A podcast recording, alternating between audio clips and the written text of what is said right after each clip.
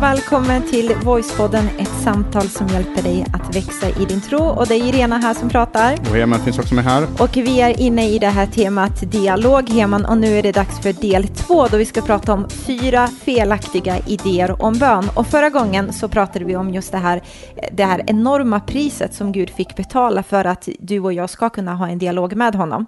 Mm. Eh, så nu så ska vi som sagt prata om fyra felaktiga idéer om bön. Och när vi pratar lite om bön så vet jag att vissa har en stor erfarenhet av det. Man kanske har lärt sig i tidig ålder hur man ber och någon annan har lärt en liksom hur man ska gå tillväga. Man kanske vet jättemycket, man kanske har en god erfarenhet av det.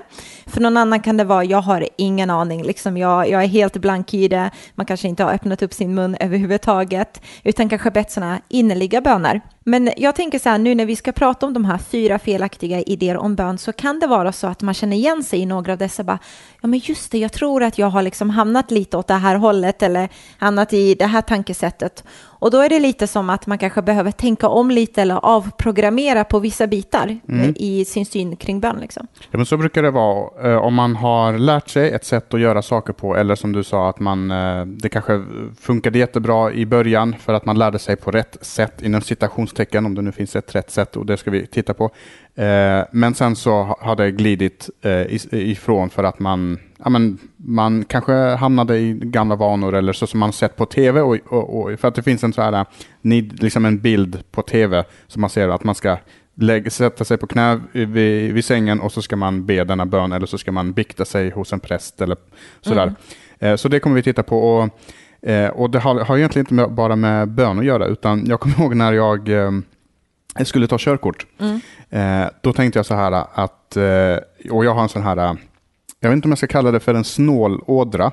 Men, men jag, är, jag är inte... Jag, är inte, jag låter dig säga det. Ja, jag, är inte, jag, alltså jag är inte sparsam, men jag, eh, jag vill inte slösa pengar på vad som helst. Om, om det finns något jag kan lösa på ett annat sätt så vill jag eh, använda det istället. Men det är ju en bra egenskap. Ja, men det tycker jag. Ja. Eh, och vill man kalla mig för snål så får man göra det också. Ja. Men hur som helst, det som är fördelaktigt med den biten kan jag bara säga är att du kanske köper kläder till dig typ två gånger om året. Mm. och, och då blir det mycket. Då blir det mycket. Och då blir det på rea. Ja, och du hittar alltid fynd. Och det här är helt otroligt. Alltså bara en sån här sidogrej. Men vi kan gå på stan och sen så bara är det så här värsta rean på uh, MQ eller någonting så här 75 procent. Och så får du så här nya jeans, jätteschyssta tröjor och du går ut därifrån och får en helt ny garderob för jättebillig peng. Och jag under hela året har liksom köpt i ordinarie pris och bara kämpat och letat efter den här rean som jag aldrig hittar. Men det kan ju också till och med vara så här att vi går ut för att köpa kläder till dig. Nu ska, vi, nu, nu ska vi fokusera på dig och så går vi och så har liksom alla ja.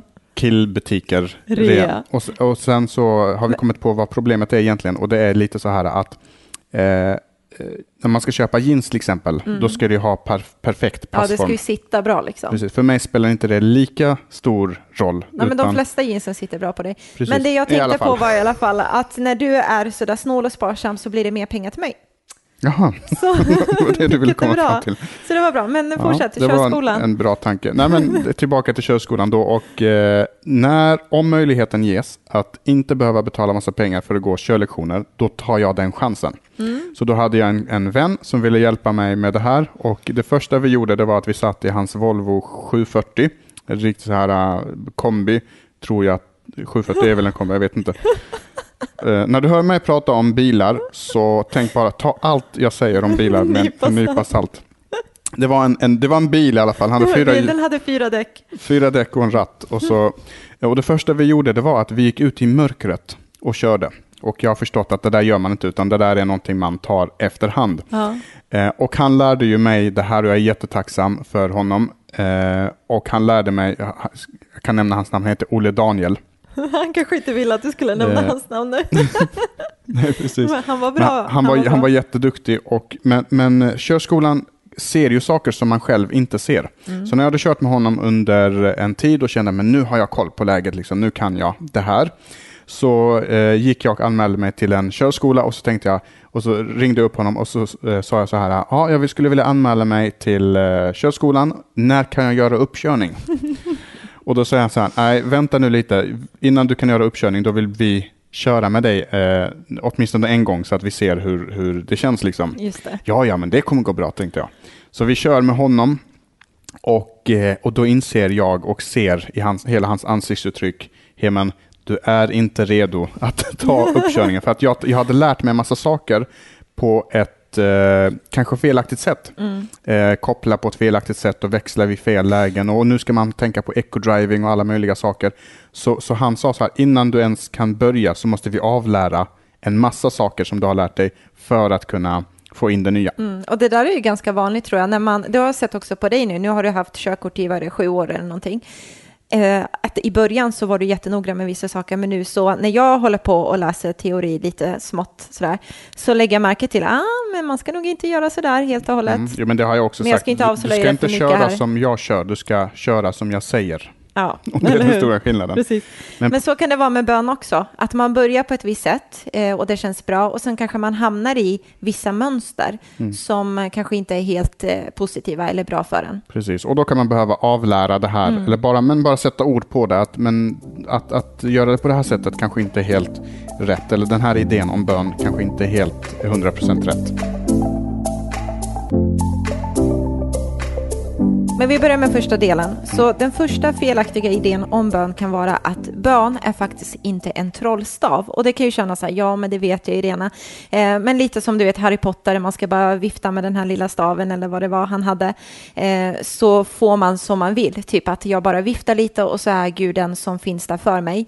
Eh, Eller när man, tittar på, när man tittar på den här gamla filmen med Aladdin. Just det, Eh, anden i flaskan. Anden i flaskan ska man veva fram då, så kommer den här anden fram och så säger han, ja men du vet, jag är din högsta tjänare, vad vill du? Liksom, du Mm. har tre önskningar eller vad det kan vara.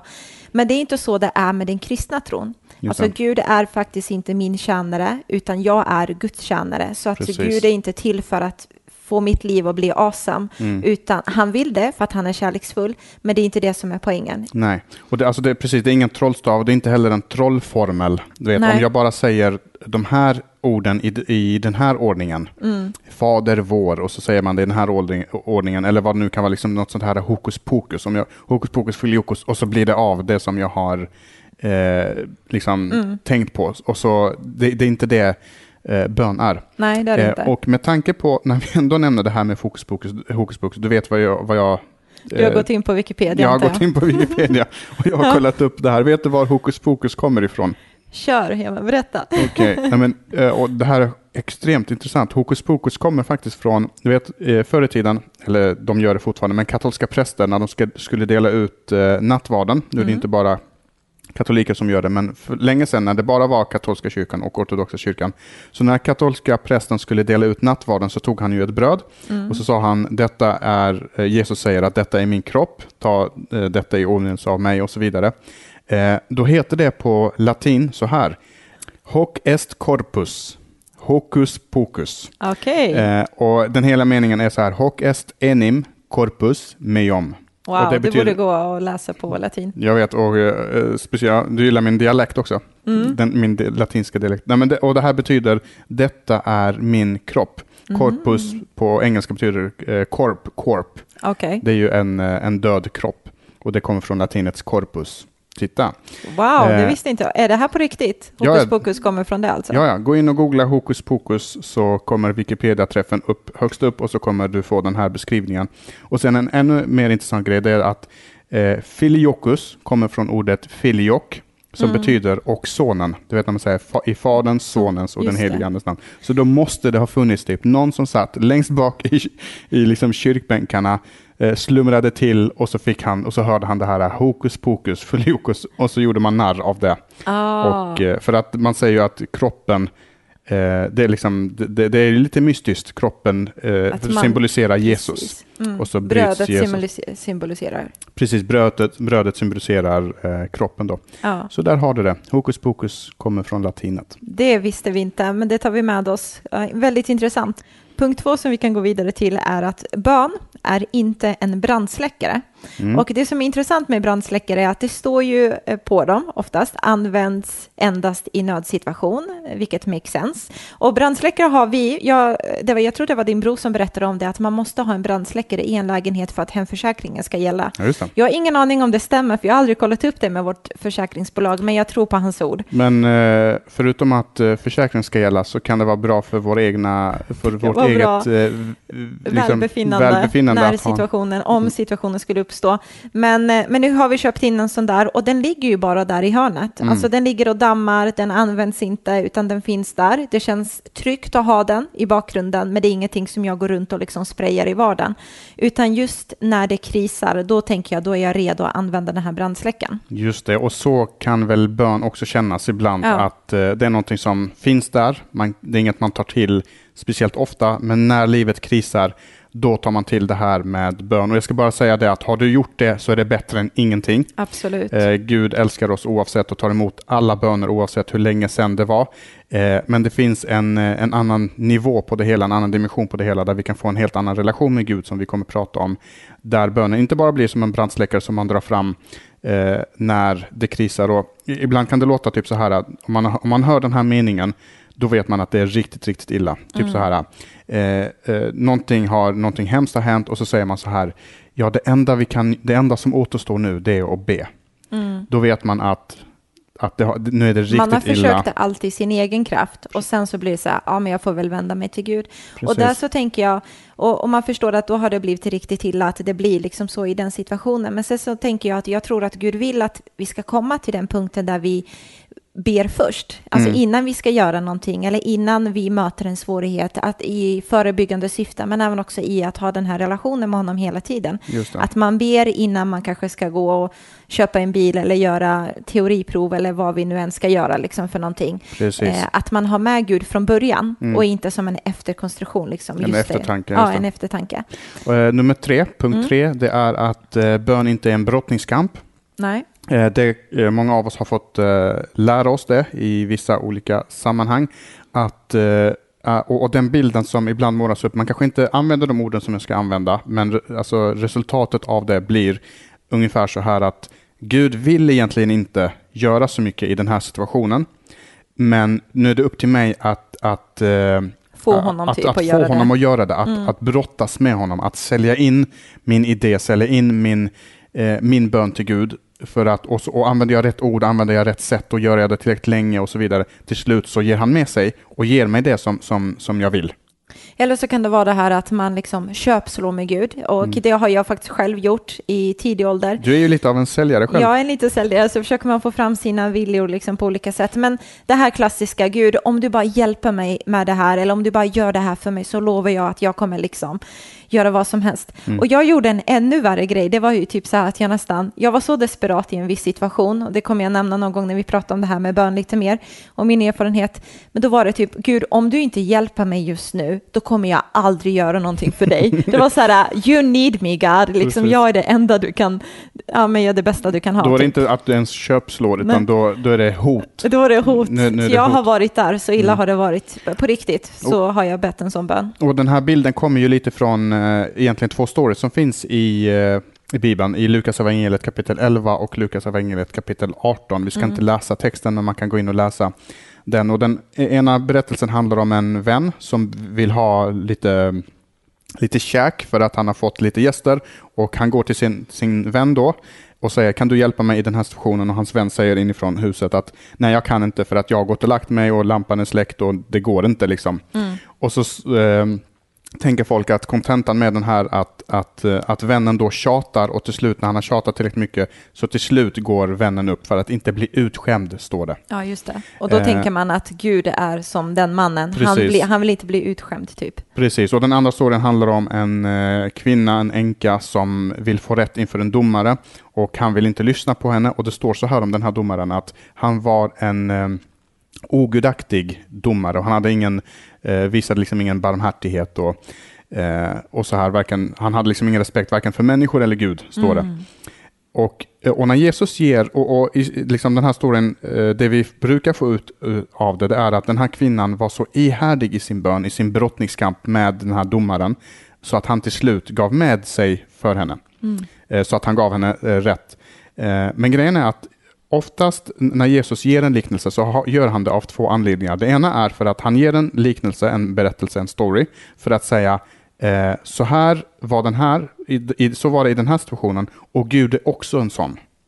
I andra lägen så, så drar Gud en story och så säger han så här var det i den här situationen, men Gud är inte sån. Just det. Och det är, det, det är den taktiken, så att säga, eller den retoriken som Jesus använder i båda de här fallen. Och det är för att säga att Gud är inte som den här vännen som säger att "Ja, men jag går upp för att inte bli utskämd. Nej. Eller den här andra storyn, eh, det står att han, han, han, han eh, den här domaren tyckte till slut att jag måste ge henne rätt för annars så kommer hon pina livet ur mig.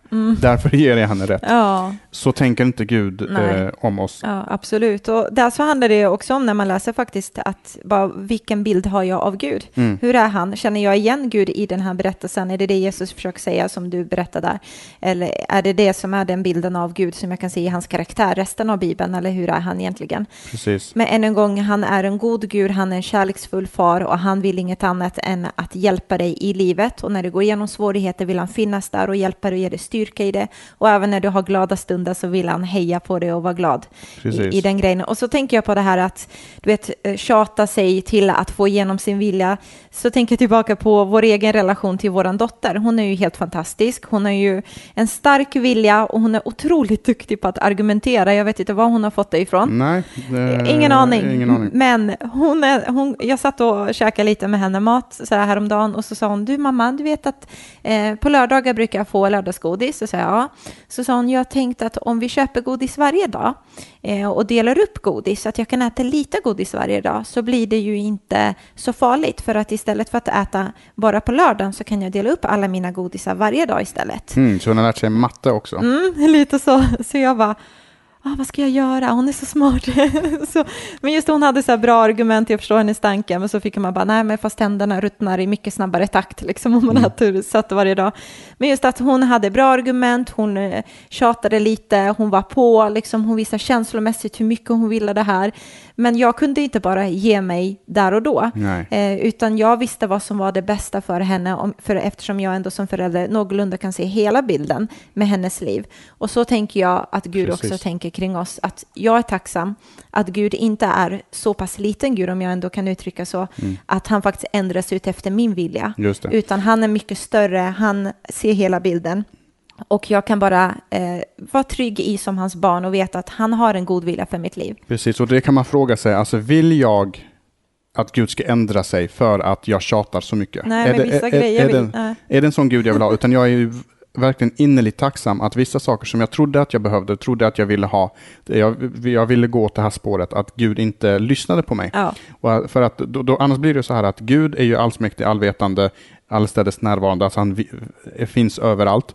Och han vet allt och så kommer jag med min bild av saker som är extremt trång och smal. Och, eh, och, han, och så säger han nej för en speciell sak som jag har bett för. Och då vore det ju hemskt om han till slut ändrade sig och gav mig det jag ville ha trots att det inte var bra för mig. Ja. Eh, så eh, ja, så jag tror vi har cirkulerat kring det här och jag tror folk börjar, liksom att vi har fått fram just det här att bön är inte en, en brottningskamp. Nej. Och en sista grej är att bön är inte en religiös ritual. Mm. Eh, och, eh, och där så kan man ju se liksom att ibland så tänker man att bön är endast till för att, ja men du vet man går till någon kanske präst eller man går till någon annan person och så ber man Gud förlåt mig för mina synder, förlåt mig för allt det här jag har gjort, Gud förlåt mig för att jag är en hemsk människa, Gud förlåt mig för.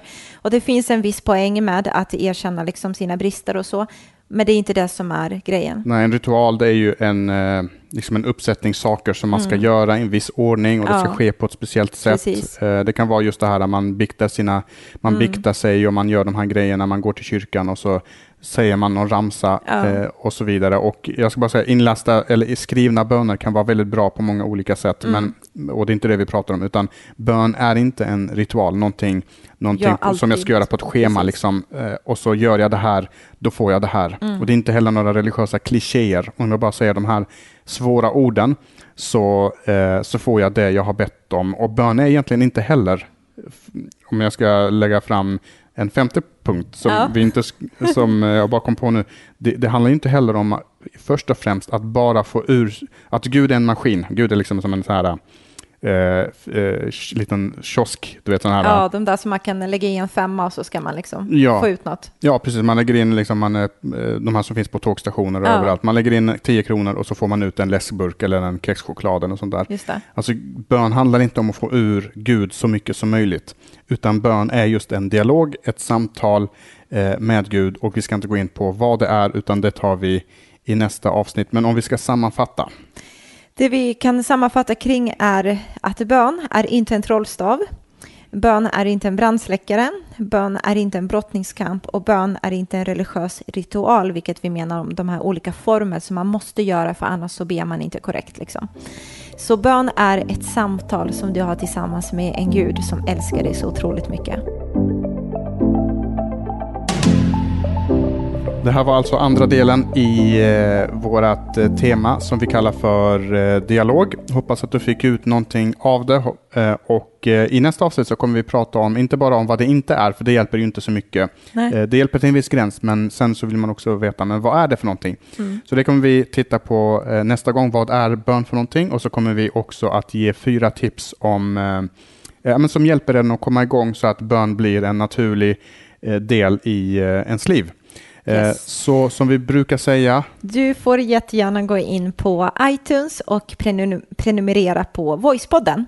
Eh, Jag har sett att flera går in och har liksom eh, gett lite betyg till Bibelpodden, vilket är kul. Men nu har vi bytt kanal, så nu är det Voicepodden som är det nya då. Så du får jättegärna gå in där och skriva vad du tycker, ge härliga betyg så blir vi jätteglada. Och då kommer vi också upp högre i listan så att fler också får upptäcka att Voicepodden finns. precis. Och vet du att någon behöver eh, höra det här, hela det här temat, så eh, dela med dig. Eh, nästa avsnitt kommer inom bara ett par dagar. Så hörs vi igen Det gör då. vi verkligen. Ha det bra! Ha det bra. Hej då!